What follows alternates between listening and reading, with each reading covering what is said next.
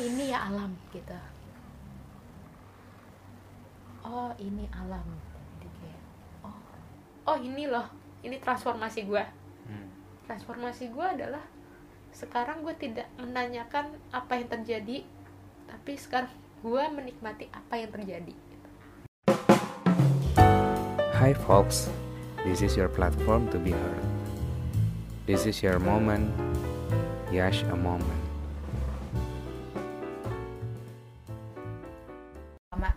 Jatuh sejatuh jatuhnya sampai gue itu dulu di kantor yang terakhir sebelum sekarang Hmm. gue memutuskan untuk eh, hibernasi dulu Jatuhnya gara-gara apa ya? jatuhnya Ya, biasanya kalau cewek-cewek Ah, putus sih. Iya gak sih? kalau ya tapi mungkin lebih ke kepada gue belajar kalau itu lebih kepada ekspektasi gue yang salah Oh oke. kayak eh, you give so much Hmm. to get what you want gitu kan Uh, jadi kayak uh, lu sudah melakukan semaksimal mungkin karena lu berharap sesuatu dari dari usaha lo itu kan Harusnya lo melakukan semaksimal mungkin dengan output yang pasrah. ya Iya iya kan? it- itu itu gue belajar setelah gue jatuh itu Iya iya iya. karena sebelum jatuh itu gue belajar usaha tidak akan mengkhianati hasil Iya itu dengan konteks. Iya. Dengan konteks, bukan bukan bukan berarti lo lu ngasih seribu jadinya Hmm. dua ribu atau itu lu bilang bisa ada yang bil- bisa ada yang bilang itu kecil, ada yang bilang itu besar sekali. Hmm. Lu ngasih seribu Mm-mm. dapatnya 500 ada yang bilang itu rugi, ada yang bilang itu untung. Mm-mm. Right. ya Jadi ceritanya bucin banget dulu. Ah, bucin sih enggak Ah. tapi itu adalah kayak batu pertama Oh, batu pertama yang dilempar ke gue ah, oke. itu kayak I give so much tapi Hmm. kok gue cuman begini terus gue Apa? Lu memberikan apa? Waktu, tenaga, pikiran atau apa ya? tapi kalau kita lebih mendalam ke masalah itu Hmm. gue nggak mau fokus di situ Oh, oke, sekarang oke. pembahasan kita Ah, gue oke. fokusnya kayak proses healing lo sih Ah. gitu kan gue cuman mau dasar-dasar shallownya aja ya untuk yang kenapa ini batu pertama gitu Oh, iya oke. jadi gue kayak memberikan maksimal Hmm. tapi yang ternyata ini ternyata gue cuman mendapatkan dan diperlakukan seperti itu Hmm, gitu loh. di hmm. di cut seperti itu kayak Hmm. gitu loh gue berharap kalau at least kalau memang tidak terjadi uh, bisa lebih baik Hmm. seperti yang tadi gue bilang gitu kan Uh, apa ketika sesuatu terjadi yang sangat buruk diri lo kayak merasa gue harusnya bisa seperti ini Oke. pada saat itu gitu kan ternyata gue sudah melakukan yang terbaik pun nggak bisa Hmm. terus gue mulai explore diri gue explore lagi ke masa lalu masa lalu gue kayak kenapa sih gue selalu dianggap tidak penting walaupun gue sudah memberikan semaksimal mungkin ke orang lain Hmm. gitu Hmm. gue memberikan em, apa usaha terbaik gue ke orang lain entah itu ke secara romantis atau ke secara pekerjaan tapi mereka tetap melihat gue shallow. They they make jokes on me Hmm. kayak eh, why? gitu kan. Hmm. kenapa? gitu. Orang permasalahannya adalah ketika eh, apa lu sudah memberikan yang terbaik buat diri lo kan itu adalah egois tapi ketika lu memberikan yang terbaik buat orang lain tapi lu tidak mendapatkan hasil yang lu inginkan ini kenapa Hmm. kenapa kenapa Itu value yang lu Uh-uh. lu pegang saat itu ya. Mm-mm, Oke. mm-mm. itulah yang kejatuhan gue di situ gitu Hmm. gue hibernasi 3 sampai 3 4 bulan di Bandung gue em, nulis atau gue berenang atau gue melakukan hal lain di luar pekerjaan gitu kan. Hmm. karena gue mau nyari tahu nih sebenarnya diri gue di mana sekarang. Terus kalau ditanya dari segi spiritual nggak usah ditanya. Gue bener-bener kayak malam-malam bisa sampai nangis tiap hari. Hmm. sama minta ke Tuhan tanyain ke Tuhan kenapa kenapa kenapa? Hmm. Em, ya karena kan eh, ilmunya yang kita dapat adalah semua adalah kodrat Tuhan kan balik lagi ke apa yang terjadi lu percaya aja sama Tuhan gitu jadi ya pada saat itu gue memberikan apa memberikan solusi gue dan eh, apa atensi gue kepada Tuhan untuk mempertanyakan masalah yang sudah terjadi apa yang harus gue lakukan Hmm. dan bagaimana gue memperbaikinya Hmm. terus dari kejatuhan itu terus selama beberapa bulan gue tidak melakukan apa-apa tidak ada jawaban juga dari eh, istilahnya dari spiritual gue gitu Hmm. kan walaupun saat itu saat itu belum ada jawaban dari spiritual gue Hmm. terus pas gue tiba-tiba diem di kamar aja gitu jam satu pagi terus kayak sakit sakit sakitnya tuh hati gue nggak tahu kenapa Hmm. sampai gue kalau nangis tuh sampai. Sampai kayak sampai kayak eh, kayak pengen teriak tapi nggak ada suara. Oh, oke. terus eh, ya udah besok lagi gue mikir I do anything to be happy. Hmm. dari situ. Hmm. I will do anything to be happy. Anything. Hmm. itu gue mulai dari situ gue mulai merancang rencana gue. Kayak em, oke. Gue harus mulai bergerak. Gue harus melakukan apa pun yang gue lakukan untuk membuat gue bahagia. Yang selama ini yang gue dapat dari eh, tips-tips di buku atau di sosial media Hmm. tentang bagaimana sih lu harus bahagia gitu. Hmm. baiklah kita coba aja gitu kan. Kayak misalnya gue ikut kelas yoga gue mulai workout terus gue mulai balik ke Jakarta terus eh, nyari pekerjaan yang di luar pekerjaan gue yang sebelum sebelumnya dulu Hmm. karena gue juga udah muak dengan pekerjaan gue yang dulu dulu di misalnya di advertising yang gue harus em, yang gue harus lembur dan segala macam deadline dan segala macam tuntutan Hmm. Gue melihat beberapa tahun ini kok nggak ada perkembangan dari diri gue Hmm. jadi udahlah cukup di situ Hmm. kalau kita kalau gue masuk lagi ke advertising kayaknya ya nggak akan nggak akan melonjak tinggi gitu Hmm. dan gue nggak akan lebih Berkembang baik lah. dari sekarang Ya, nggak berkembang. nggak berkembang dan gue nggak akan sampai ke titik yang gue mau jadi gue coba lompat untuk ke company-company lain gitu walaupun tahapnya tetap aja ya namanya kalau gue apply agency ya pasti lebih banyak eh, di hire agency. Walaupun gue eh, hire di mana pun gitu kan tapi tetap aja seringnya dipanggil di agency dan akhirnya gue dipanggil di perusahaan yang terakhir ini kan. Hmm. kok aneh ya gitu. Perusahaan yang terakhir ini kenapa aneh? Karena waktu SMA gue join jurnalis. Hmm. Gue join jurnalis terus waktu gue lulus kuliah pekerjaan yang pertama yang pengen gue join adalah masuk di detikcom pengen jadi jurnalis karena gue pernah di waktu SMA ngeliat diri gue wah keren nih kerja di media Hmm.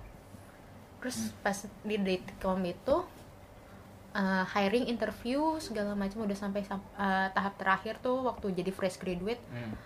ternyata gue nggak dipanggil Hmm. Itu sempat kayak ya udahlah gitu kan sempet sedih sih karena Hmm. wah ternyata gue emang gak bakat mungkin di dunia jurnalis gue nggak bakat kerja di media gitu. Hmm.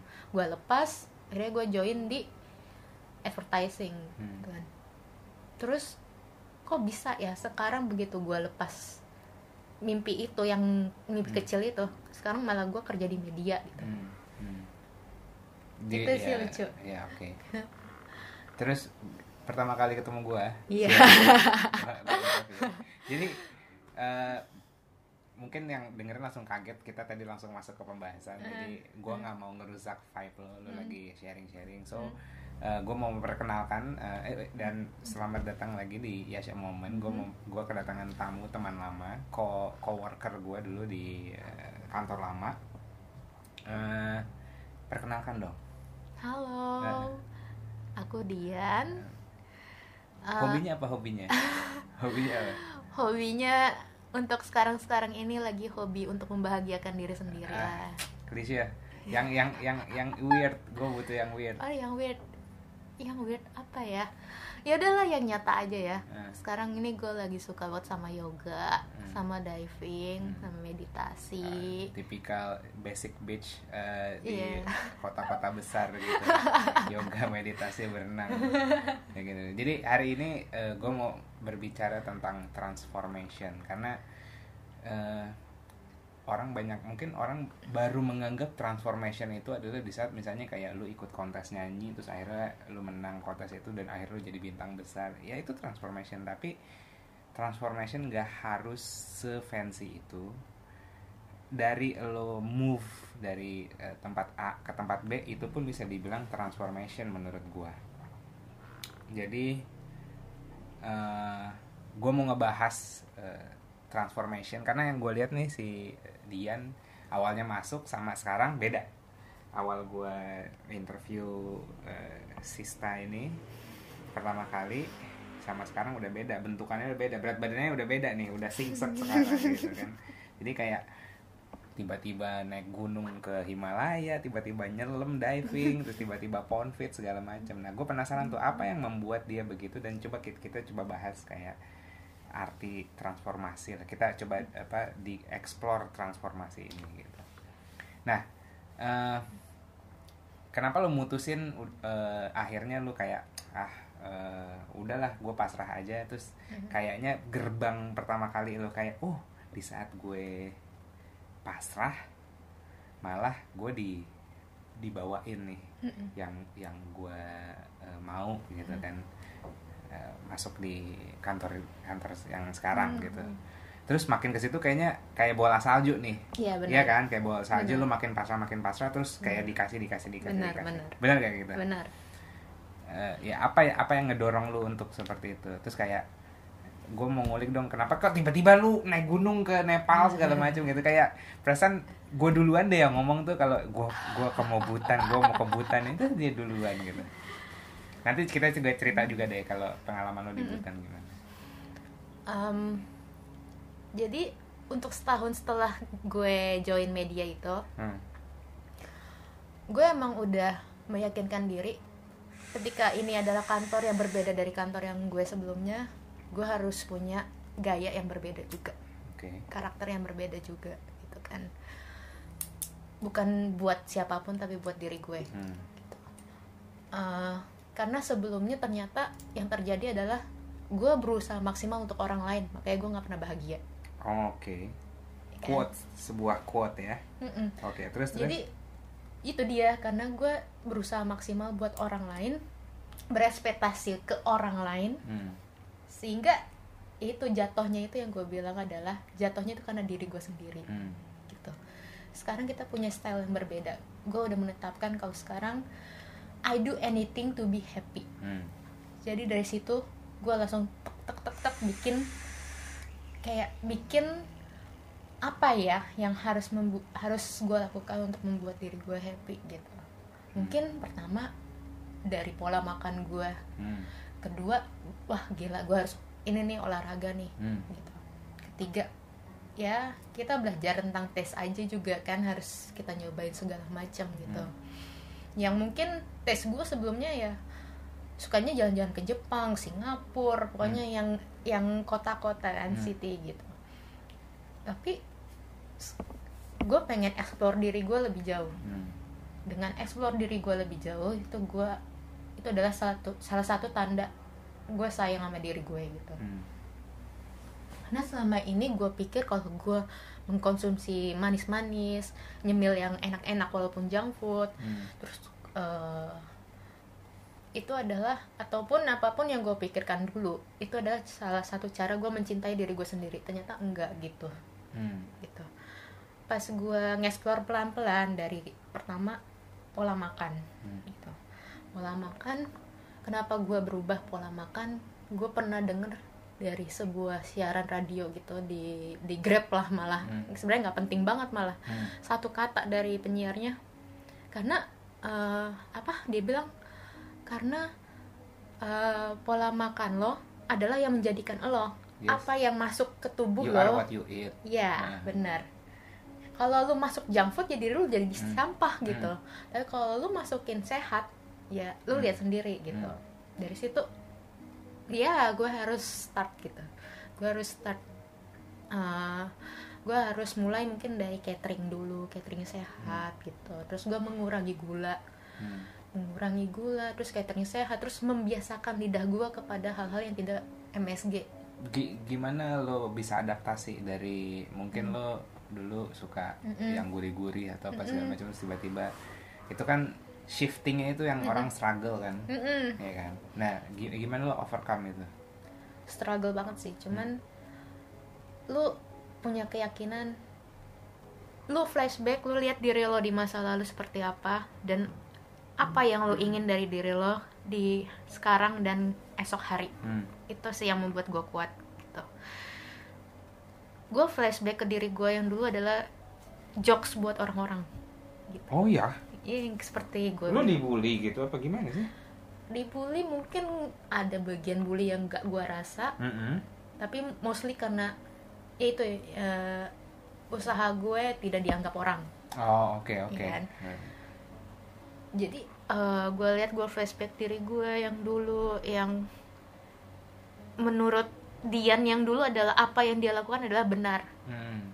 terus eh, gue sekarang kayak loncat gue harus hidup sehat nih sampai kapan nih gue harus junk food terus terus apakah ini membantu hidup gue gitu itu sih yang membuat gue kuat adalah sebenarnya tekad tekad diri lo tapi kalau misalnya lu mau cheating cheating dikit kayak lu satu hari tuh ma- eh satu minggu makan satu biskuit Hmm. is okay itu zaman zaman bener-bener lu struggling untuk Hmm. mengdetox diri lo ya Hmm.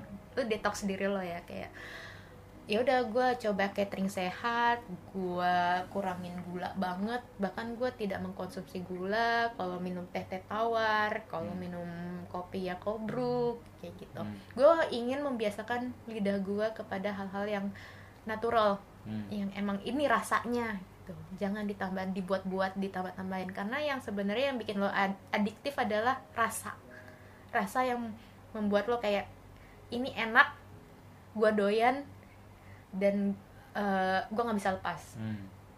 nah ini lidah gua nggak boleh terbiasa seperti itu Hmm. nih gitu dari situ dari pola makan gua rubah terus tubuh gue juga butuh gerak karena selama mungkin 27 tahun atau 28 Hmm. tahun gitu ya geraknya cuman di olahraga yang saat sekolah doang gitu kan gue mau explore yang makanan nih nah dari awal yang lo makan junk food atau gula segala Hmm, macam hmm. lidah lo terbiasa Hmm. terus akhirnya lo uh, shifting Mm-mm. gua belum gini gua sempat di poin oke gua eh gua gua sendiri Mm. sempat di poin ya kayak ya udah gua makan yang yang yang itulah yang Mm. clean eating lah Mm. gitu sempat doyan Mm-mm. sempat doyan terus habis itu kayak ah, Mm-mm. udahlah apa aja tapi Mm-mm. memang gua nggak junk food gua Mm-mm. emang nggak suka junk food Mm-mm. Eh, jadi ya gue biasa aja gitu maksudnya Mhm. kayak ayam geprek pakai sayur kol gitu Mhm. ntar ya ikan goreng pakai sayur bayam masih se, Mhm. se, senormal itu sih Mhm. nggak yang gimana gimana tapi gue pengen tahu perspektif kayak emang ada ya orang yang bener-bener doyan makanan dalam tanda kutip sehat sampai kayak "Hmm, enak loh gitu. Emang bener-bener bisa sampai state itu ya? Lo gimana? Gue sampai state gue nyaman dengan makanan ini. Nyaman aja? nyaman dengan makanan ini. Tapi kalau dibilang enak MSG still having place in my heart lah ya. Cuman kalau segi nyaman Nah, gue nyaman dengan makanan ini. Terutama ketika gue pergi ke Nepal yang bener-bener lepas dari junk food bahkan gue harus vegan kan di sana di Hmm. atas gunung kan di atas gunung itu semakin tinggi lu semakin gak boleh mengkonsumsi hewani gitu kan kenapa karena emang spiritualnya dari masyarakat di Himalaya Ah. itu semakin lo sampai atas itu sampai tidak boleh mengkonsumsi hewani sama sekali gitu. Oh, kalau oke. misalnya lo emang butuh protein lo dari telur Ah, oh Gitu. oke oke terus gue mulai beradaptasi kayak wow orang-orang di Nepal ini makannya cuman begini aja mereka bisa sampai naik gunung turun gunung. Dan sekarang kalau untuk kasus corona mereka dari pertama kali corona nyebar sampai sekarang mereka baru satu orang dan satu orang pun itu adalah turis Cina gitu. Mereka imunnya kuat sekali gitu. Imunnya kuat banget. Jadi gue nggak percaya sama orang yang makan bilang kalau misalnya gue butuh daging gue butuh butuh asupan yang yang berat gitu. Hmm. untuk bisa membuat gue kuat. Ya oke. Kayak beberapa orang yang gue ceritain tentang clean eating bilang kayak gue nggak bisa makan kayak vegan gitu karena gue hidup gue nggak namaste. Gue harus terus ngejar target di bisnisnya dia. Oh. Jadi kalau gue namaste gue ikhlas ikhlasin ya eh, bisnis gue hancur kayak gitu. Jadi gue nggak bisa nih clean eating. Padahal nggak gitu konsepnya. Mungkin buat gue nggak gitu konsepnya. Karena makan tuh cuman makan tuh cuman kebutuhan jadi Mm-mm. lu makan karena butuh Hmm. tapi orang tuh beyond itu Hmm. Eh, mereka banyak bisa dalam tanda kutip foodie lah Mm-mm. jadi menganggap makanan sebagai pleasure benar, itu yang itu yang benar. itu yang eh, menurut gua akan eh, berpotensi untuk salah guna menurut gua. Benar, karena benar makan banget. eh, makan ya makan buat hidup gitu. Makan Iya. buat hidup. Jadi kayak kalau lo misalnya gue butuh makan banyak sebenarnya bukan butuh makan banyak. Gue butuh pleasure dari rasa kenyang. Mm-mm. kayak gitu. Temen gue yang lain gue temen gue yang lain bilang gini juga. Gue makan junk food karena gue udah kerja keras. Jadi gue butuh Eh, Pleasure. reward reward gitu eh, ya. reward. Jadi kalau gue nggak makan junk food gue nggak bisa kerja maksimal iya iya Ya. iya iya, iya. seperti ya balik lagi ke awal kalau misalnya you are what you eat Hmm.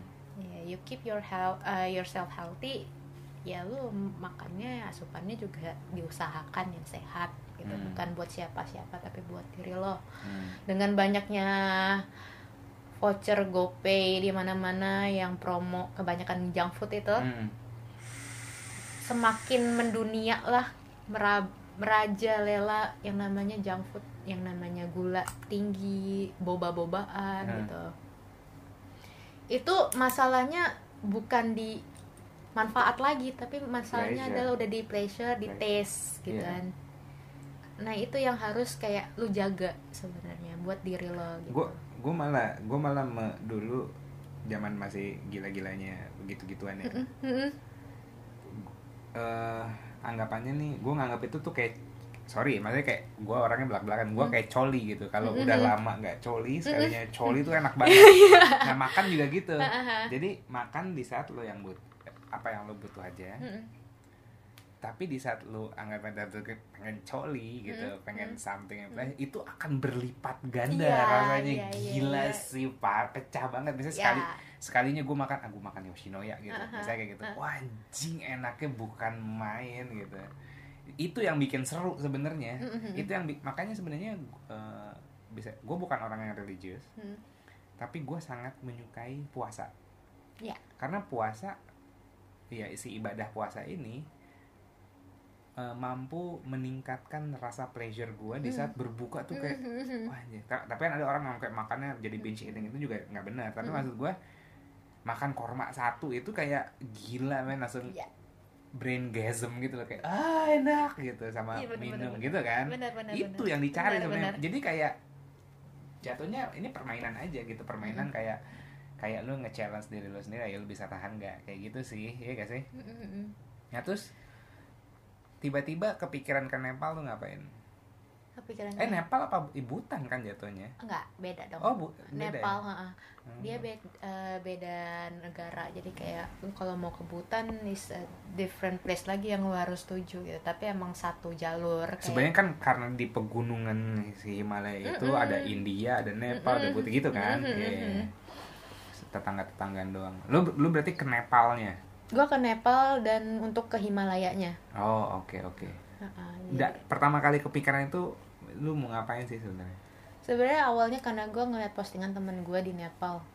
Wow gila keren banget ya. Gitu maksud gue keren dalam pengertian bukan keren yang yang lu foto-foto di Jepang gitu bukan. Jadi Hmm. kayak keren kayak lebih ke touching ke gue gitu. Hmm. Fotonya dia adalah foto dia lagi lagi lagi kayak pelukan sama gajah gitu Hmm. itu kayak gue pengen di situ gitu Hmm. terus dia posting beberapa IG story kayak dia nari-nari sama orang lokal Hmm, hmm. terus banyak orang lokal yang suka nari terus eh, nemu apa daun ganja liar Hmm. kayak gitu terus belum lagi yang ketika dia ngelihat Himalaya Ganja boleh deh. Hah? Legal legal gak? legal banget Oh iya. legal banget Giting mulu dong lo. kagak ya, gimana sih? Payah lu udah sih itu juga. iya kan gue udah clean ya Alah. Terus terus. nggak cuman ya eh, kata tour guide gue kata orang sana bilang emang si siapa kok gue lupa jadi ya si eh, The Beatles The Beatles kalau dulu kalau mau ngeganja bebas ya ke Nepal Hmm. gitu Hmm. gitu ada ada streetnya di situ tuh khusus buat kayak hipster hipster di situ bisa ngeganja bebas Hmm. Nah, terus gue ngeliat postingan temen gue yang lebih experience ke situnya sih ke lu menyatu dengan alam itu yang gue pengen nyoba gitu. Terus ya udah gue ngumpulin duit tenaga karena gue pikir Himalaya coy gitu. Hmm. Himalaya bukan gunung Selamat Bromo yang bisa lu daki 2-3 hari gitu. Gue butuh 8 hari kalau menurut tour guide gue 8 hari dengan segala persiapannya. Yang penting katanya adalah lu sehat gitu kan. Dari situ juga salah satu pemicu gue untuk sering olahraga. Hmm. Lu persiapan. Oke oke. Nah dari situ terus oke lah. Gue challenge diri gue untuk ke Himalaya karena Gua pertama terpanggil anjir.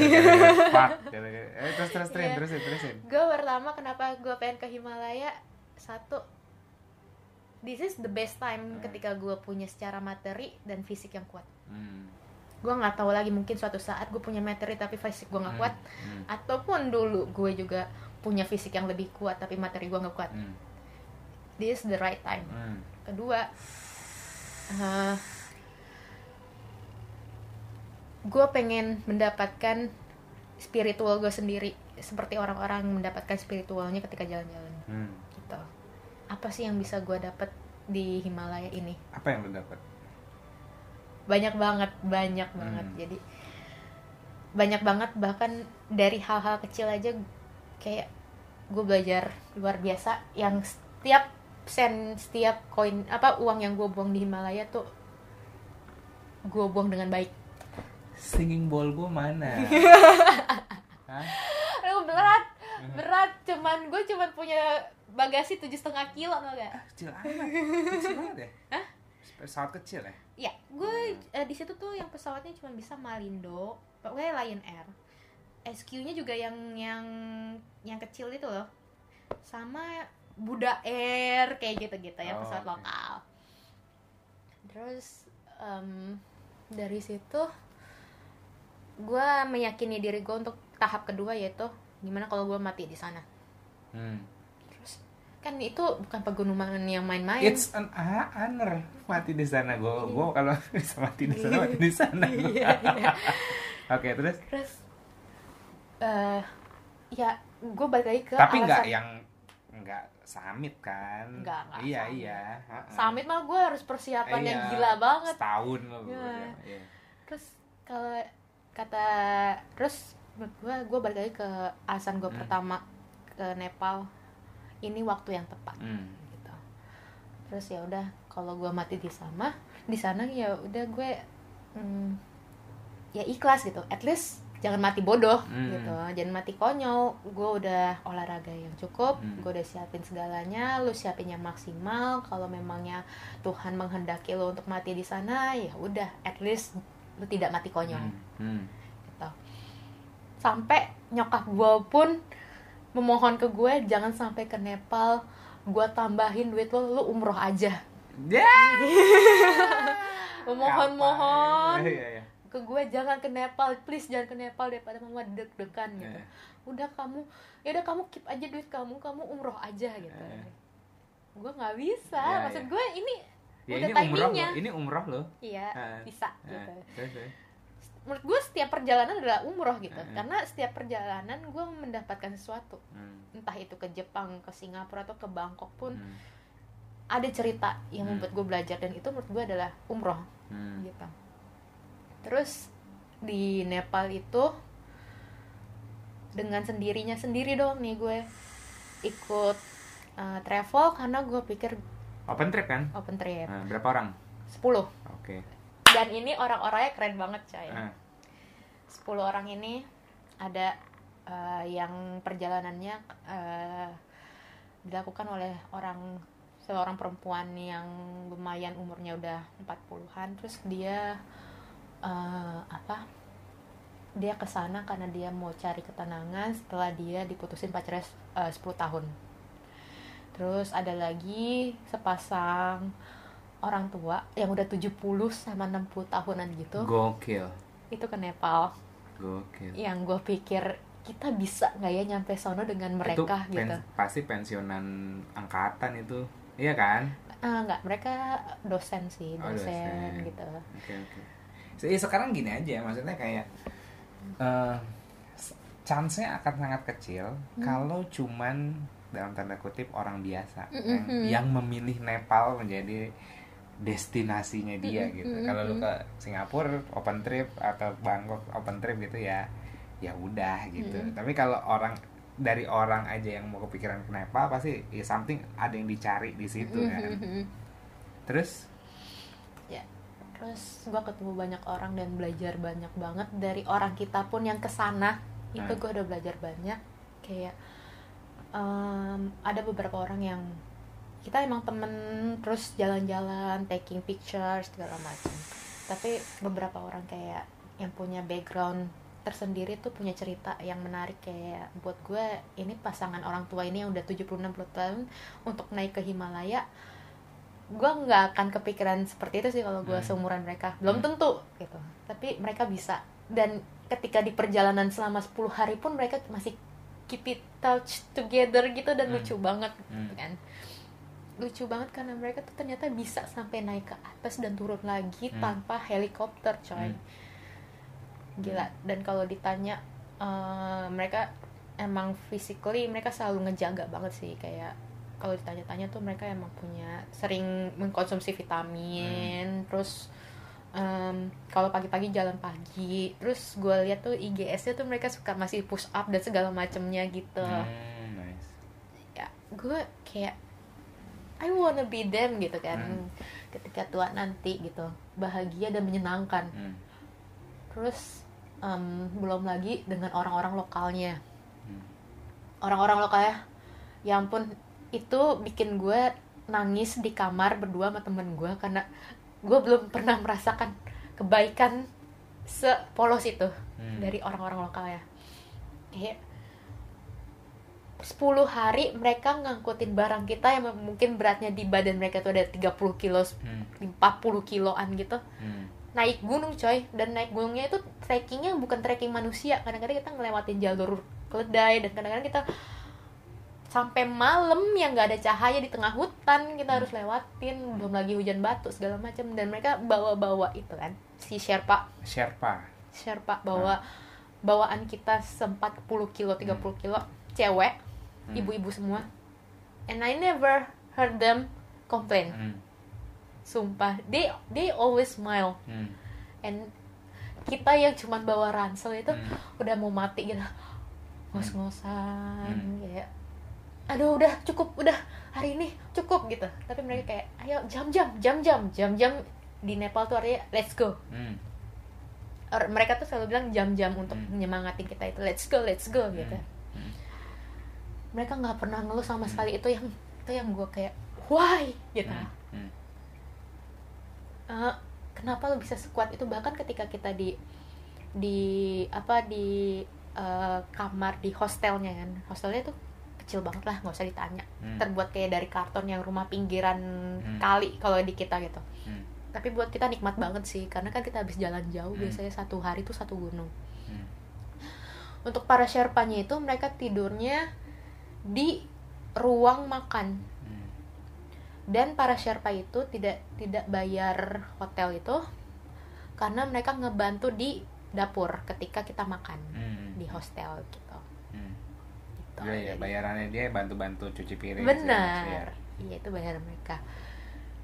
Terus eh yang oh my god kalian bisa bertahan hidup sini kayak gini tuh seumur hidup gitu loh maksud gue hebat banget Hmm. tanpa mengeluh dan senyumnya tuh manis-manis banget Hmm. maksud gue senyum yang po- yang yang nggak dibuat-buat Hmm.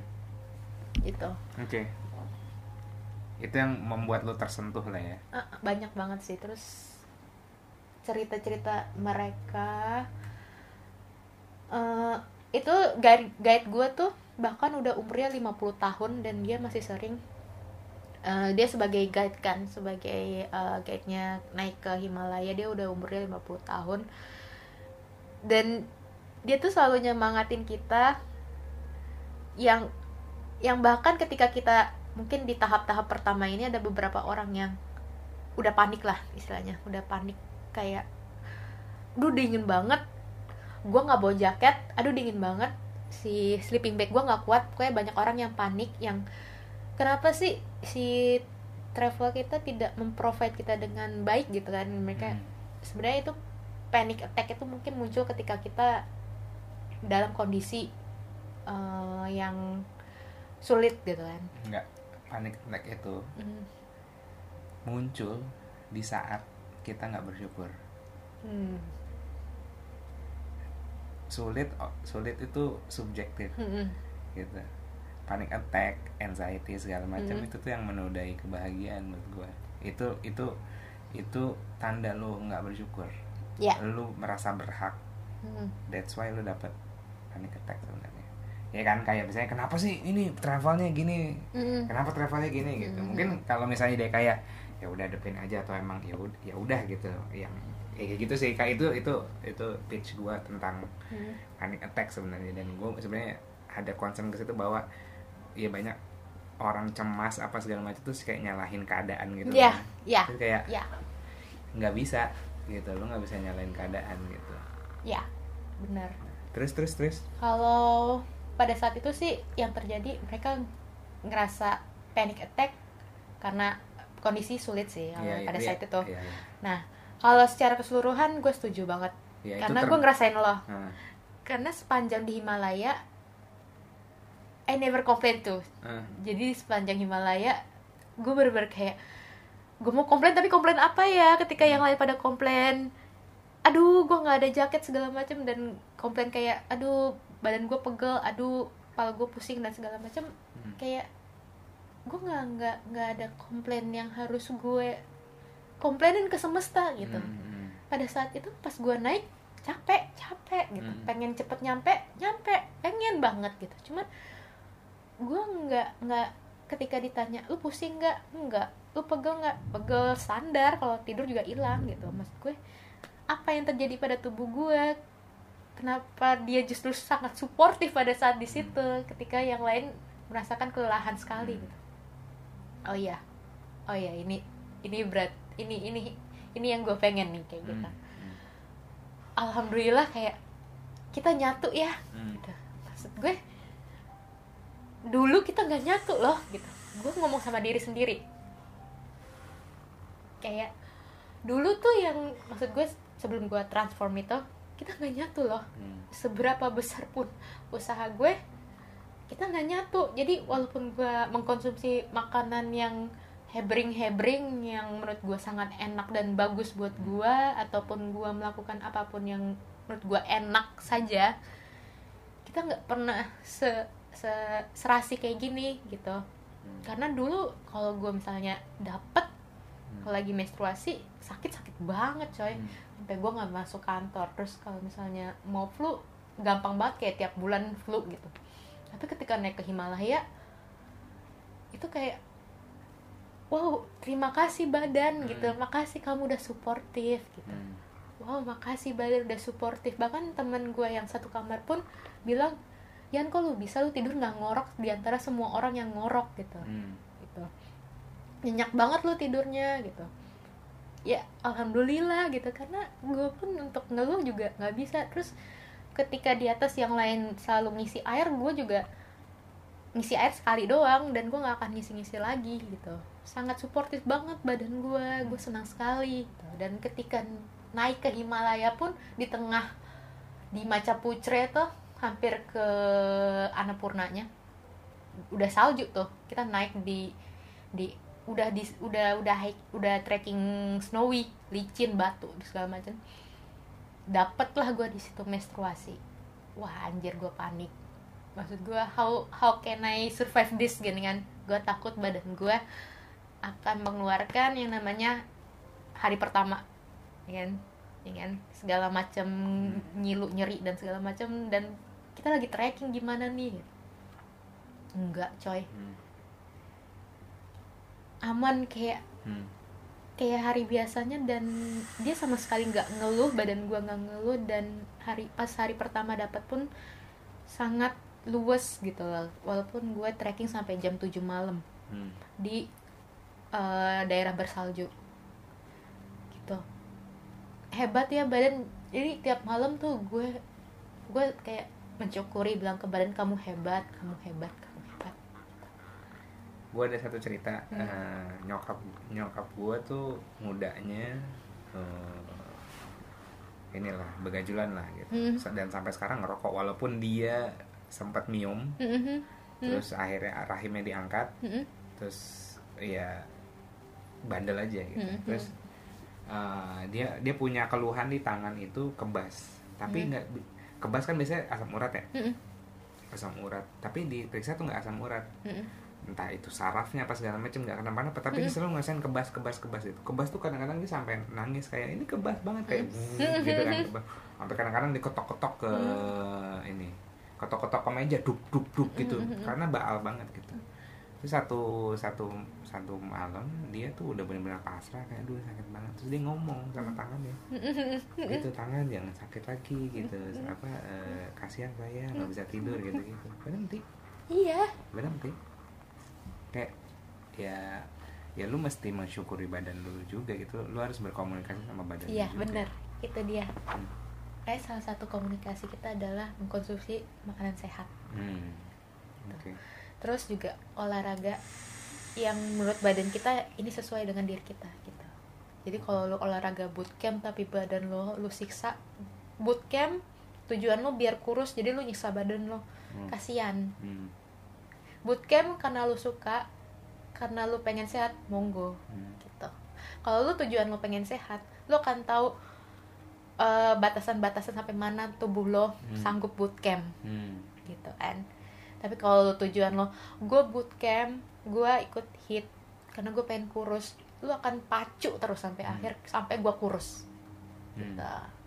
Kalau ketika lu tahu gue pengen sehat oh iya gue udah sehat udah cukup sampai level ini dulu. Hmm. pelan pelan pelan pelan oke. Tuh terus terus terus pas sudah hmm, di atas nih Hmm. salju terus menstruasi. Iya. Temen gue sampai sempat kena IMS IMS itu altitude mountain sickness. Ya kan biasanya muntah-muntah? Ya bisa sampai muntah-muntah bisa sampai palanya mau pecah. Itu bener-bener mau itu pucet banget yang kayak udah kayak ada kadang-kadang sampai keluar iler. Sampai gue kadang-kadang di jalan tuh ngeliat turis yang udah sampai pelukan di di di apa di tengah trekking di gunung gitu. Karena dia udah nggak kuat. Ada yang seperti itu gitu temen gue ada kena M, uh, AMS sampai di puncak di Annapurna kena AMS karena kita sampai minus 25 derajat. Hmm. minus 25 derajat. Jaket lu pakai apa tuh gue pakai North Face. Yang dark down kan? Ya yang dark down. tapi kan itu cuman min kalau maksudnya kalau speknya kan nggak nyampe minus 25 kan? Lapis So- 4 coy gue. Oh iya. Lapis 4 dan uh, yang jelas sih hitik eh hitik Iya, hit- hitechnya hitech, ya. Uniqlo Ah, terus uh, down jacketnya Uniqlo terus baru North Face si Oh. dark do- eh, apa uh, dark downnya si North Face Ah. gitu yang luarannya ini luarannya waterproof Enggak? Mm-mm, mm-mm, iya kan mm-mm. oh oke itu kadang-kadang gue sampai gloves aja gue double dua iya iya iya dan buff itu sempet gue sampai ba- eh, muka gue kering banget kalau misalnya kena napas aja perih hmm. itu Iya. makanya gue pakai buff karena itu karena buat napas aja kayak perih banget karena udah iya terus muka lu kayak ngerasa retak. eh, kayak muka lu kayak tebel gitu loh kayak tebel banget muka kayak lu kalau mau ngomong aja kayak susah banget gitu Hmm. dan tapi gue nggak suka ngap Hmm. di atas itu gue gue sangat nyari kesempatan untuk nggak pakai topi tapi si guide gue bilang kamu harus pakai topi biar ngurangin IMS Hmm. gitu jadi disaranin kalau mau naik ke Himalaya pakai topi lah buat ngurangin IMS-nya Hmm. tapi gue aja yang bandel karena gue ngap Hmm. Topi maksudnya kapuconnya. Ap- enggak bini segala macem Oh, lu harus oke. tambahin bini dan segala macem itu Iya. iya, iya.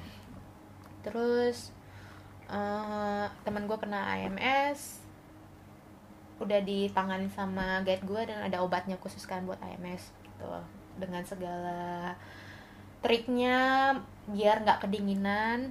Gue cuma bilang ke temen gue "Eh, coba kamu ngomong sama tubuh kamu bilang ah, ah badan aku sayang kamu. Kita suportif ya kita sama-sama ngejalanin ini gitu. Eh, badan eh, aku sayang kamu. Hmm. kamu pasti bisa aku yakin kamu bisa gitu. Hmm. gue cuma bilang sama temen gue seperti itu biar dia agak lebih tenang karena yang gue lihat ketika lu AMS panik gitu itu yang gue bilang temen gue sih terus dia tidur gitu dan besok paginya lebih baik gitu kan itu sih itu doang saran gue ketika orang ada sakit Hmm. cuman buat ngasih support ke badan Hmm. karena ketika lo supportif satu sama lain tubuh lo kayak ya lo saya sayang banget gitu loh Hmm. kayak kayak semesta dan diri lo yang melindungi, melindungi lo gitu. Hmm. jadi santai.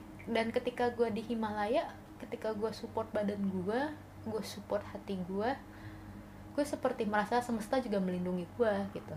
Makanya sepanjang jalan ketika gue dapet pun gue ngerasa sakit sama sekali. Gue tidak terkena AMS terus gue tidak terkena penyakit-penyakit yang berlebihan yang bisa membebani tim gue gitu bahkan ke diri pun juga kayak tidak pernah komplain gitu. Seneng sih gue kayak men ini hebat banget gitu ke diri gue. Hmm. belum lagi ke semesta yang gue lihat di Himalaya. Kayak di Himalaya itu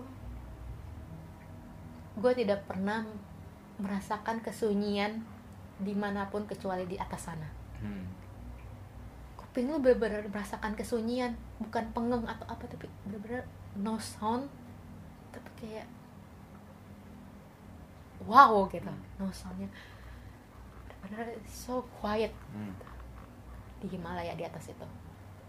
Dan pandangan lu tuh nggak terbatas. Hmm. kayak lu biasa ngeliat TV yang 64 inci Hmm. mungkin. Terus ada lu nonton Discovery Channel. Hmm. oh ya bagus. Oke bagus. Oke. Hmm.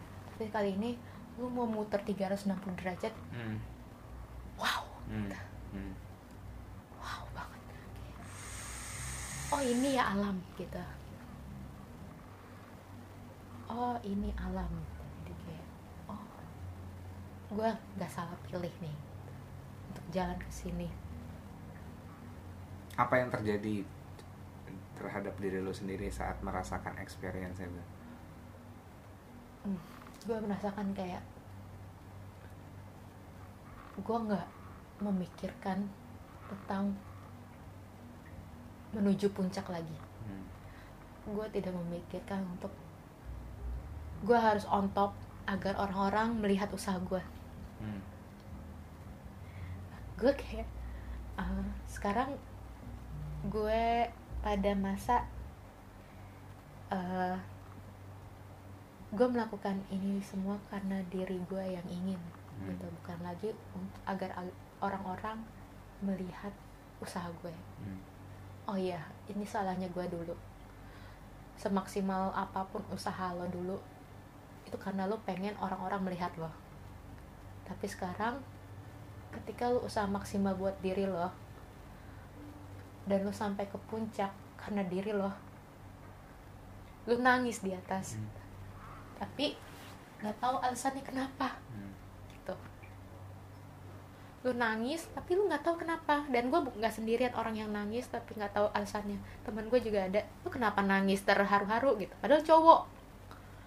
Dan ketika kita berdoa di kuil kecilnya situ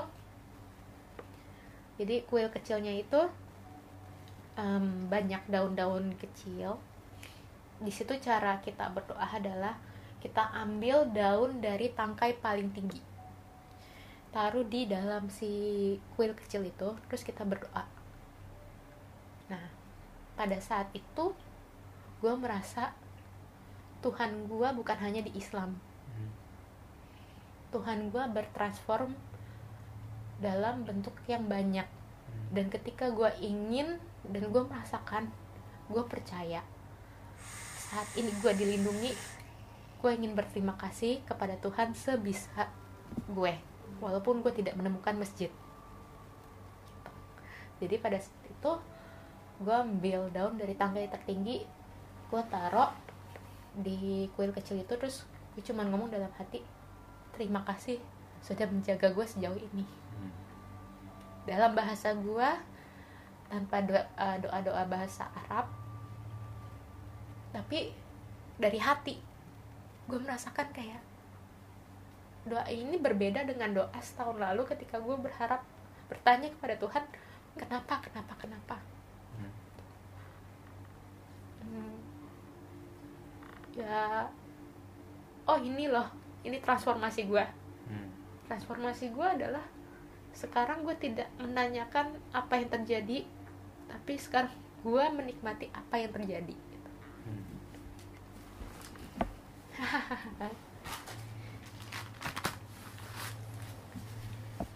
jadi ini pun yang sekarang air mata yang keluar gue juga nggak ngerti kenapa Hmm. sedih juga enggak karena gue nggak ngebahas hal-hal yang sedih air mata bukan sedih doang kan Iya, dan sekarang nih air mata yang keluar gue nggak ngerti kenapa. Dan ini adalah mungkin sisa-sisa rasa syukur yang gue dapet dari pelajaran hidup gue. Hmm, ya itu pada saat di atas sana gue merasa kalau gue dilindungi oleh Tuhan dan gue percaya akan adanya Tuhan. Dan dengan beragam rupa tapi secara spiritual gue tetap Islam dan gue sangat eh, apa meninggikan eh, adat spiritual gue dan gue percaya karena gue sangat nyaman dengan sholat dengan puasa gue sangat nyaman melakukan itu tapi Tuhan itu nggak hanya satu di Islam gitu. Jadi ketika gue butuh Tuhan di atas Himalaya gue butuh Tuhan di atas Himalaya untuk bersyukur untuk berucap untuk bilang ke dia sampai ke Tuhan kalau gue berterima kasih gue udah sampai di atas sini gue udah sampai sejauh ini ya gue eh, ya gue ber berkomunikasi lah dengan cara yang gue bisa di atas sana gitu ya akhirnya hmm, maksimum effort lo Mm-mm. untuk diri lo sendiri ya kan? Yang sebelum sebelumnya lo ngelakuin untuk recognition mungkin. Mm-mm, benar. Ya kan? Tapi di saat itu kayak oh gini ya ngasih ngasih maksimum effort ke diri sendiri sendiri itu kayak oh oke gitu. Jadi inner self lo juga seneng gitu ya kayak, ya. Oh lo ngelakuin ini buat kita gitu. Iya. which is diri kita sendiri. Kayak gitu. Sekarang gue juga ngerasa jauh lebih ringan dari dulu. Sebelum gue ber berubah gaya hidup. Hmm.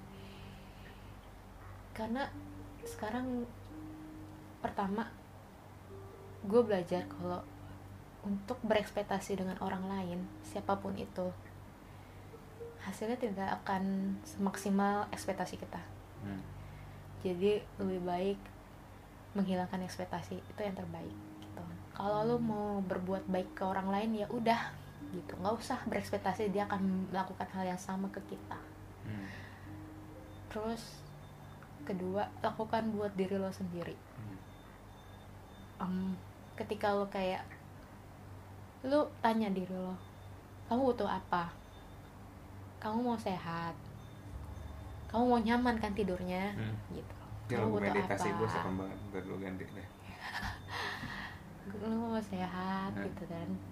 Kamu mau nyaman tidurnya? Hmm. ya apa ya yang kamu mau? Gitu kayaknya kalau misalnya selama ini kan kamu udah konsumsi gula dan makanan yang enak selama ini tapi tidak merubah apa pun dari diri kamu kan gitu. Coba coba ganti gaya hidup gitu.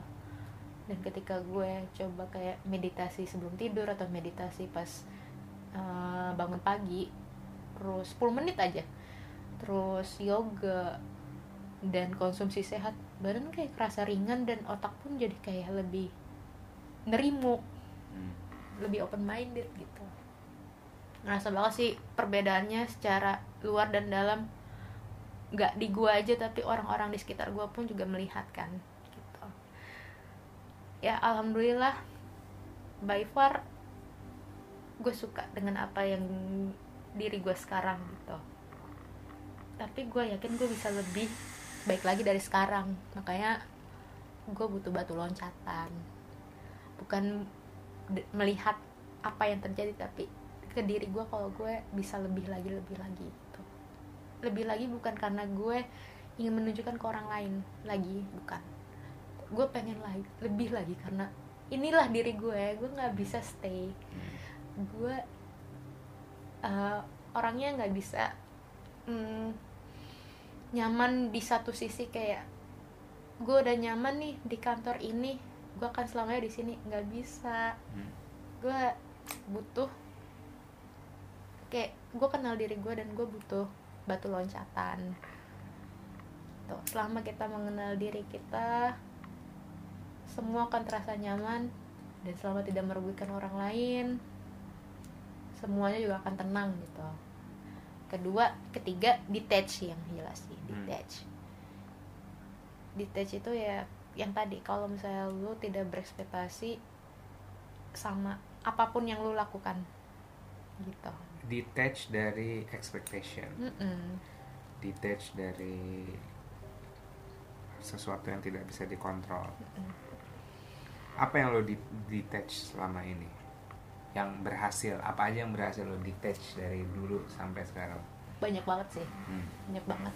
Kalau dari hal kecil aja ya. Hal kecil tuh dulu kalau gua kemarin dulu pernah gagal nonton konser Coldplay di Bangkok sampai itu gue maksimum effort ke Hmm. Bangkok tuh sampai naik tiga pesawat ke tiga negara tapi tetap nggak kekejar konser Coldplay-nya. Itu gue nangis di bandara Changi. Tuh gue sampai ngadu ke nyokap gue kayak why? This is why why why? Gitu kan. Hmm. padahal gue udah usaha maksimal. Kenapa gue nggak kejar juga? Hmm.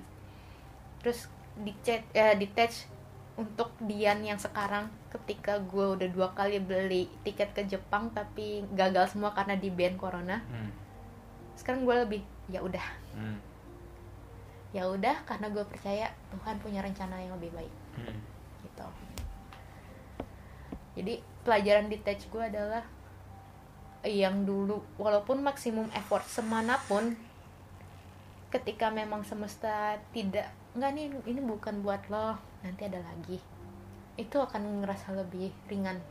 Dan emang kenyataannya akan seperti itu.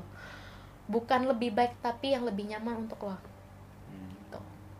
Kayak misalnya gue nggak ke konser Coldplay gagal bukan berarti Tuhan mengganti dengan konser Coldplay lainnya. Bisa aja Tuhan mengganti gue akhirnya ke Himalaya. Dan dan nggak selamanya harus sefancy itu Mm-mm. right ya, gua gua ngasih konteks gua ngasih konteks aja akhirnya nanti ntar orang ke- kepikiran kayak gua harus ke Himalaya ke Himalaya enggak maksudnya kayak ya kalau lo Hmm. nggak harus sefancy itu gitu Oh. kayak. next learning dari Himalaya jadi dari temen gue yang memang ke Himalaya untuk karena patah hati Hmm. dengan pasangan yang udah 10 tahun itu Hmm. Gue tanya sama dia emang lu setinggi naik setinggi ini setinggi Himalaya ini lu masih kepikiran kan sama dia Hmm. dia bilang iya Hmm. di setiap langkah lo masih ada dia kan dan lu Hmm. masih merasakan sakitnya ya iya Hmm. jadi intinya lu mau ke Himalaya ataupun ke Antartika atau Hmm. sampai ke bulan tapi kalau lu masih rasanya rasa sakitnya ada dan Hmm. toksik toksiknya masih jadi alasan lo untuk pergi nggak akan ngaruh Hmm. Karena itu lo bawa ke mana-mana. Gue gue coba itu gue pikir dulu pertama pertama kali gue ngerasain sakit akhirnya gue hibernasi di Bandung gue pikir setelah hibernasi 3-4 bulan gue akan lebih baik enggak. Karena gue tidak merubah apa pun selama hibernasi itu di Bandung. Gue cuma pindah tempat. Hmm. gitu. Sama mungkin kayak beberapa orang yang mungkin ke Himalaya atau ke Jepang buat gue ke Himalaya ke Jepang buat healing Hmm. buat lebih baik enggak kalau lu nggak merubah kondisi diri lo Hmm. itu hanya lu hanya pindah tempat Hmm. gitu. Iya, Jadi, iya. untuk healing itu butuh lebih kenal diri lo sendiri daripada lu pengen keluar gitu Hmm. karena is yourself is bigger than that gitu itu sih yang gue gue pelajarin gitu jadi lo mau di dalam kamar pun kalau misalnya emang lu udah healing ya akan ringan Hmm. gitu gue mau mengelaborasi kata healing nih. Mm-mm. soalnya kalau mungkin orang awam dengerin kayak dengar kata healing tuh kayak oh iya kayak di game gitu ya Mm-mm. kita di heal string gitu langsung Mm-mm. sehat lagi apa segala macam Eh, nggak gitu guys healing tuh sakit Eh. Eh, bener gak gue mau konfirmasi kalau Mm-mm. healing tuh enak atau sakit sakit banget sakit banget sampai gue bilang pernah rasanya mau nangis teriak tapi nggak keluar suara Hmm. Iya, iya.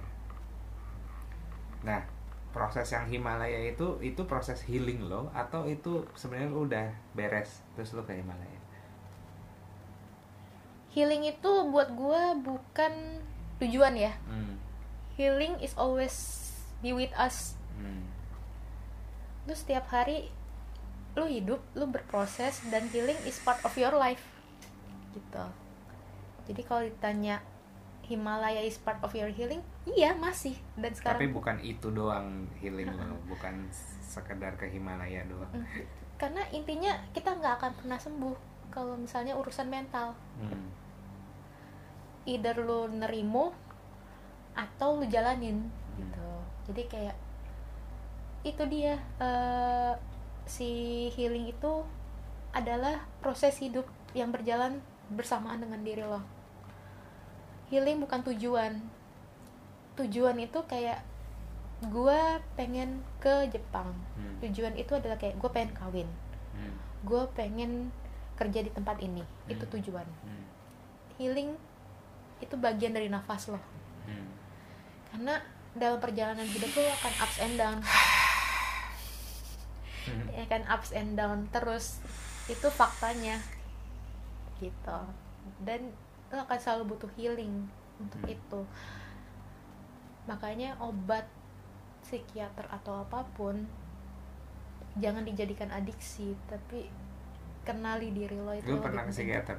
Hmm, Psikolog hampir apa? hampir hampir tapi eh, hampir gue nyokap gue juga mau ngajuin ke psikiater tadinya gara-gara healing itu tapi gue rasa gue nggak bisa deh Hmm. untuk dikasih obat segala macam tanpa berproses Hmm. gue lebih percaya dengan proses diri gue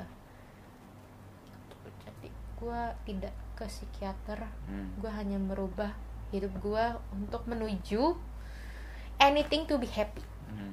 sampai ke fase berikutnya fase gue sekarang adalah eh gue nggak akan membiarkan siapa pun atau apa pun fucking with my five Hmm. jadi lu jangan ngancurin energi gue deh energi gue lagi bagus-bagusnya Hmm. gitu jadi ketika fasenya itu gue belajar fase transformasi gue adalah pertama jatuh kedua I do anything to be happy langsung sekarang gue fasenya adalah gue nggak akan ngebiarin apa pun dan siapa pun ngancurin energi gue Hmm. gitu menarik nih. Ah, ada lagi, ada lagi gak? udah, Ada. jadi sit gue maksud gue masih tahap di sini karena gue nggak tahu tahap selanjutnya Hmm. gue karena ini gue perjalanan bukan sesuatu teori Iya iya. Jadi emang gitu. gue juga gue sering brought up ini ke eh, eh, circle gue atau orang sekitar atau mungkin pendengar yang lain juga kayak biasanya gini orang tahap tahap, tahap ini emang kayak gitu. Jadi kayak gini. Jadi kadang tuh orang berpikir gini, oke gue udah meditasi kayak, kayak misalnya kayak lo gitu. Terus akhirnya oke vibe gue lagi enak. Terus akhirnya lo jadi menarik diri sama orang-orang yang menurut lo vibe lo nggak enak Hmm. right? Eh, it's okay. Gini tapi bagus lo bilang itu sebuah perjalanan. Karena beberapa orang menganggap itu adalah sebuah akhir. Hmm. jadi akhirnya dia kayak eh lu nggak survive sama gue bye bye lu nggak survive sama Hmm. gue bye bye Eh, karena dia menganggap itu adalah sebagai oke ini ini finishnya di sini. Gue udah vibe gue enak dan don't mess with my vibe. Hmm. padahal eh, challenge terbesar orang yang akhirnya udah aware sama eh, well-being kayak gini adalah bagaimana mereka menghadapi lingkungan. Kayak gitu. Bagaimana lo bisa duduk sekamar sama orang yang nyebelin tapi lo tetap damai. Mm-mm. kayak gitu. Itu next next stepnya gitu. Mm-mm. itu itu yang akan lo hadapin. Karena kalau lo mempelajari sesuatu dan tapi akhirnya lo menarik diri dan akhirnya ngumpul sama yang seragam doang nggak ada bedanya sama orang yang ngaku-ngaku hijrah gitu. Hijrah pakai apa segala macam segala macam. Terus dia bikin kompleks sendiri lah apa segala macam segala macam memisahkan diri akhirnya sukanya keseragaman lah. Gitu. karena mereka menganggap itu adalah itu sebuah finish. Padahal sebenarnya itu adalah sebuah start dari proses oke gue udah self aware gue kayak gini. Terus ya udah how how lo menghadapi ini sih lingkungan sebenarnya. Jadi buat kalian yang ngerasa udah misalnya kayak oke gue udah enak nih gue udah bisa belajar meditasi atau apa pun itu heal dalam tanda kutip healing lo dan akhirnya lo ber- berhasil melalui itu itu startnya. Mm-mm. itu bukan finish. Mm-mm. gitu. Itu start dari self awareness lo. Oke gue gue udah ngerasa oke gue begini gue begini begini oke apa yang mau apa apa apa yang gue lo tahu akhirnya apa yang lo mau. Gitu. Walaupun lo bukan kayak netapin gue mau jadi presiden terus kejar presiden enggak tapi kayak oh ya hari ini gue mau ngapa jadi kayak nggak terbebani sama apa yang akan gue mau lakukan. Gitu tapi lo living in the moment aja tapi Living in the tetap tetap terarah tapi living in the moment. Nah kalau lo udah merasa step lo- apa eh, currently kondisi lo kayak gitu selamat gue gue bilang selamat. Eh, ya lo udah akhirnya mendapatkan ya baru baru natas dari kepompong lah baru ya kan? Jadi, terus tinggal tinggal gimana lo menggunakan sayap-sayap lo ini gitu. Kalau misalnya dia udah jadi natas dari kepompong terus dia terbang jadi kupu-kupu tapi nabrak-nabrak gitu kan? Mm. ya percuma juga lo punya sayap itu gitu kan? Gimana lo bereaksi nanti sama lingkungan gitu? Bukan berarti orang yang nggak survive sama lo is not belong to you gitu. Benar. Eh, ya kalau pilihan lo untuk menghindar ya silakan tapi bukan berarti dia nggak Mm-mm. lebih baik Mm-mm. dari lo Mm-mm. itu sih yang Mm. eh, teman-teman yang gue sering dengar eh, apa yang mereka hadapi selama ini gitu sih terus gimana Eh, setelah akhirnya vibe gue lagi enak-enaknya nih Mhm. terus tiba-tiba ada yang aduh mengganggu nih gitu apa yang lu perbuat kita hidup dan kita bukan dewa yang sempurna banget bisa terima dengan kondisi gitu aja Hmm.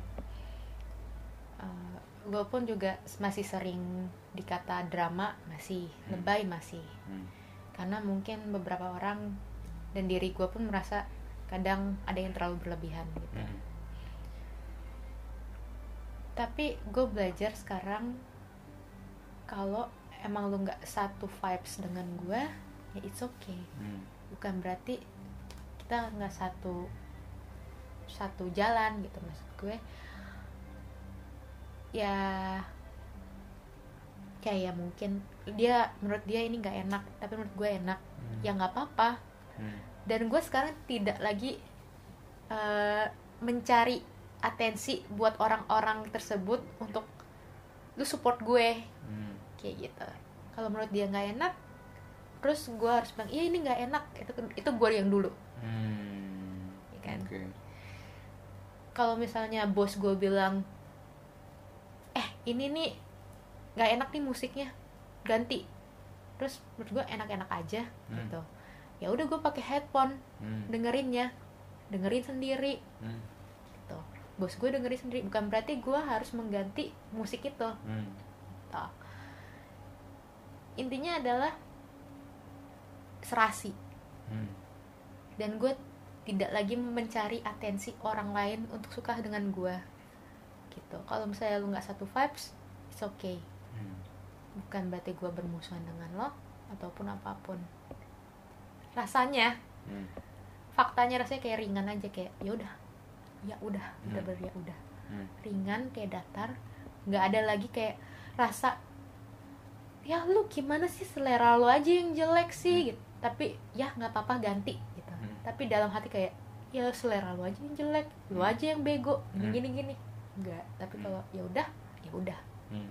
terpisah ya udahnya Hmm. gitu itu yang gue alamin beberapa kali ini dan gue ngerasa lebih ringan karena sekarang gue nggak mau nyari atensi dari orang-orang untuk look at me look at me look at me Hmm. lagi terus gue karena diri gue pun sudah membuktikan sejauh mana gue bisa berjalan lah intinya.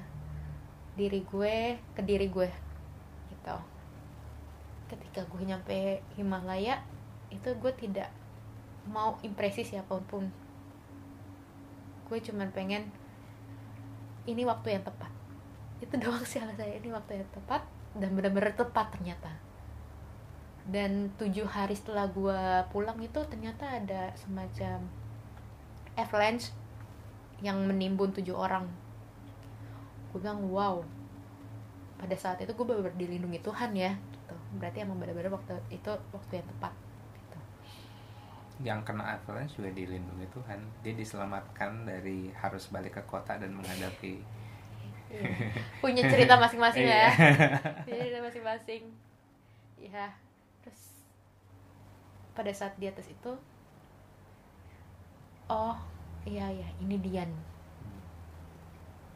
suara diri gue yang selama ini gak gue denger akhirnya terdengar karena terlalu sunyi di atas Hmm. oh ini Dian Hmm. wah gila di Jakarta bising banget ya Hmm. bising dalam arti bukan suara kendaraan aja tapi Hmm. bising dengan orang lain juga Iya. Yan. Yang membuat hati lu berisik Hmm. pas gue balik ke Jakarta wah gue ngerasain bisingnya itu lagi Hmm. tapi mungkin sekarang lebih kopong Tuh.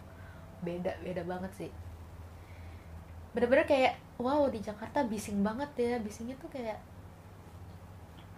suara banyak pikiran gitu nah gue tahu nih emang bener-bener gue bener-bener ngerasain yang bersyukur level tinggi tuh emang di Himalaya banget tuh yang bener-bener gue nggak tahu kenapa gue menangis gue nggak tahu kenapa gue tidak ada komplain gue nggak tahu kenapa gue bisa wow banget gitu because nature jadi Iya.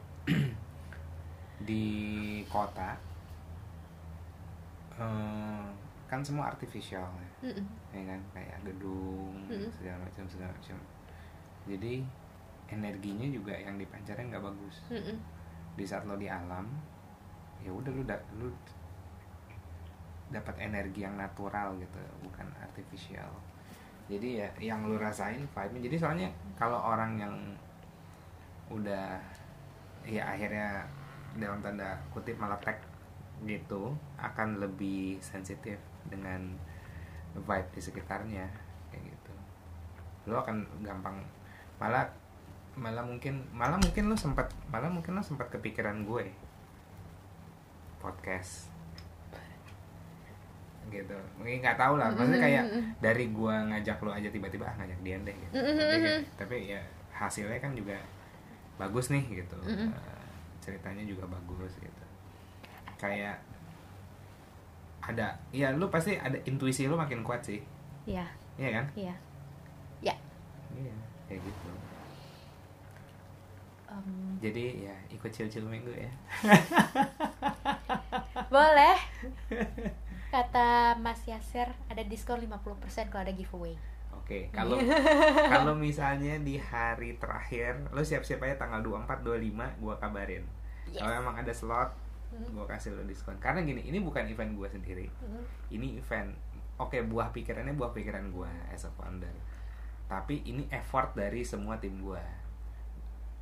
Yang ada gue dipentungin kepala gue kayak apa apaan lo? Gitu. Kita tanya ini apa? Karena semuanya chip in. Semuanya chip in, semuanya taking risk. Gila taking risk semua. Isinya Iya. di, di, di, di dalam sini. Maksudnya taking taking risknya bukan yang kayak ketakutan tapi kayak karena percaya. Jadi ya udah gitu. Eh, sampai-sampai ada orang yang paling jadi salah satu tim gue nih ada pacaran dia wo Hmm. Bisnisnya udah settle Hmm. dia salah satu tenannya si Bright Story lah Mm-mm. wo kan ya udah jalan DP dulu baru jalan Mm. nggak pakai modal Mm-mm. right dari awal gue ketemu dia Mm-mm. dia sering banget state kayak gue nggak mau keluar modal gue akan gunain source gue yang ada misalnya entah barang produksian atau segala macam atau tenaga atau knowledge atau Hmm. eh, partner gitu kan koneksi tapi gue nggak bisa keluar duit di awal itu dia udah start dari awal. Mm. tapi ujung-ujungnya udah kayak oke emang jalan nih kayak emang jalan ini gue harus chip in gitu. Ya udah chip in gitu. Seorang tuh seorang tuh bisa sampai 20 jutaan. Jadi kita Ciel Mango ini event pesertanya 50 orang target gua kan 160 Hmm. tapi nggak mungkin. Udah kita emang bela- kita emang adrenalin junkie gua gua Hmm. akui itu dan kayak sikat aja sar wah oh, gila lu semua kayak gitu kan ayo gitu kan Mm. Eh, 160 aja tuh kalau nggak pakai sponsor itu Hmm. cuman kita ada defisit tapi cuman kayak 10 juta oke lah Mm. 100 orang pesertanya kita defisit 70 juta 80 juta terus kita udah hitung tuh 5 kalau sampai 50 orang kita defisit 120 juta itu ya udah anggapannya kita eh, ya udah deh invest deh kayak gitu. Sampai segitunya akhirnya dia mau gitu orang yang sekeras itu awal awalnya dia statement tapi Hmm. kayak ya udahlah keluar aja. Kayak ya udah berarti nih project yang menurut ya project menurut gua project ajaib dan hmm, gua nggak mau mendewakan project ini tapi gua hmm, project ini membawakan mengarahkan gua ke orang-orang yang tepat akhirnya gue dapat komposisi tim yang bagus lah menurut gue bukan orang yang homogen beda-beda. Mm. backgroundnya beda-beda sih beda-beda tapi eh, ya kan sayur asem bu enak itu bukan karena gula semua right? Gitu. Hmm. ya kan? Bukan karena gula semua karena ada garamnya ada ininya ada ininya makanya enak. Kayak gitu yang itu yang itu yang gue rasain. Kayak gitu sih. Jadi stepnya karena begitu lo meletek terus lo build vibe lo Mm. Habis build vibe lo mungkin akan- lo akan ngerasa annoyed sama yang nggak survive terus Mhm. akhirnya mungkin lo Mhm. belajar dari situ akhirnya bisa overcome itu. Mm. lo bisa blending. Terus nanti lo akan nyari tribe lo. Mm. dari situ lo akan nyari tribe lo akan dipertemukan oleh tribe lo. Kayak bukan harus orang yang sefrekuensi tapi memang komposisi gitu. Ini yang ini ini step gue gue bukan berarti lebih dulu dari lo dan gue lebih hebat enggak. Tapi gue cuman ya bercerita karena gue udah ngelewatin ini dan dan mungkin abis ini bakal ada step lagi step lagi step lagi sih gitu. Tapi gue nggak tahu karena gue belum ngalamin. Kayak gitu sih jadi eh, mudah-mudahan cerita ini menjadi bikin lo excited karena apa nih yang di depan gitu. Hmm, apa yang harus lo dan lo menerimanya dengan excited sih kayak gitu sih. So kalau eh, kalau ini pertanyaan apa terakhir lah nih. Mm. Eh, kalau lo punya gini kalau lo misalnya sekarang ada di depan kamera dan kamera ini adalah di terhubung ke semua layar di seluruh dunia. Hmm. layar handphone radio apa segala macam pokoknya omongan lo nih sekarang nih didengar sama seluruh umat manusia. Terus lu cuman punya waktu 30 detik. Apa yang lo mau obrolin ke mereka? Apa yang lo mau ngomong ke mereka I forgive everyone and myself. hmm. I forgive my past. I live in the present and I don't care about my future. that's the most important things of my life right now Um, Alright, thank you sudah sharing ceritanya. Semoga menginspirasi kayak radio ini gue kayak radio zaman dulu tuh yang kayak kaku-kaku gitu. Thank you El udah. Sinta. Iya gitu. RKM. Thank you udah uh, share ceritanya sampai berderai air mata guys. Nanti gue minta foto lo ini ya. Gue minta foto lo before after yang lo masih gemuk anjir sama yang sekarang. Boleh gak? Boleh gak? Buat teaser. masih ada nggak ya Emang lu hapus-hapusin? ada kayaknya Ada lah. Ada. Facebook Facebook lama atau Instagram yang scroll scroll di bawah ada lah. tapi jadi kesannya kayak penglangsing Enggak bukan. obat Nanti ini kayak gue kepikiran udah kayak bikin bikin tease-nya malah bukan satu postingan, tiga postingan. Mm. apa tuh Ya itu dari perihal transformasi. Hmm. Terus nanti gue ngasih foto lu. Itu postingan satu. Hmm. Postingan dua nanti eh, cerita tentang Himalaya, foto lu yang Himalaya. postingan ketiga sekarang gue mau eh, ada ininya, ada signature-nya Yash a Moment karena gue lagi Hmm. into sama breathwork. Mm-mm. Kita akan bikin video. Mm-mm. Lo gue ajarin breathwork. Jadi nanti setiap tamunya Yash a Moment dapat kelas breathwork gratis satu sesi. Anggapannya gitu, mana nggak certified juga. Oke, kita ngevideoin paling ya 5 menit 10 menit. oke Ya. Mm-mm. Oke, eh, thank you udah dengerin. Eh, Yaser dan Dian pamit undur diri. Bye bye. Bye.